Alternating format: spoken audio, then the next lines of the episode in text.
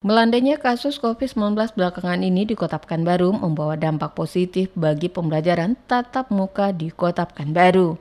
Karena Dinas Pendidikan Kota Pekanbaru mulai merencanakan akan digelarnya pembelajaran penuh atau tidak ada lagi pembatasan jumlah murid serta juga lama waktu pembelajaran selama di sekolah.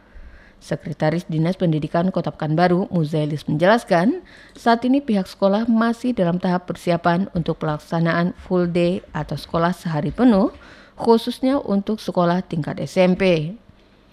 Meski masih dalam tahap persiapan, namun Muzailis tidak menampik jika sudah ada sejumlah sekolah yang telah menerapkan full day school sejak awal kita melaksanakan full day ya untuk pelaksanaan SMP.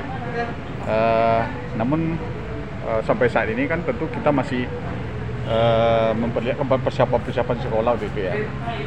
Sehingga memang uh, untuk PPDB uh, untuk PTM uh, pada semester ini memang kita laksanakan serentak pada tahun ini.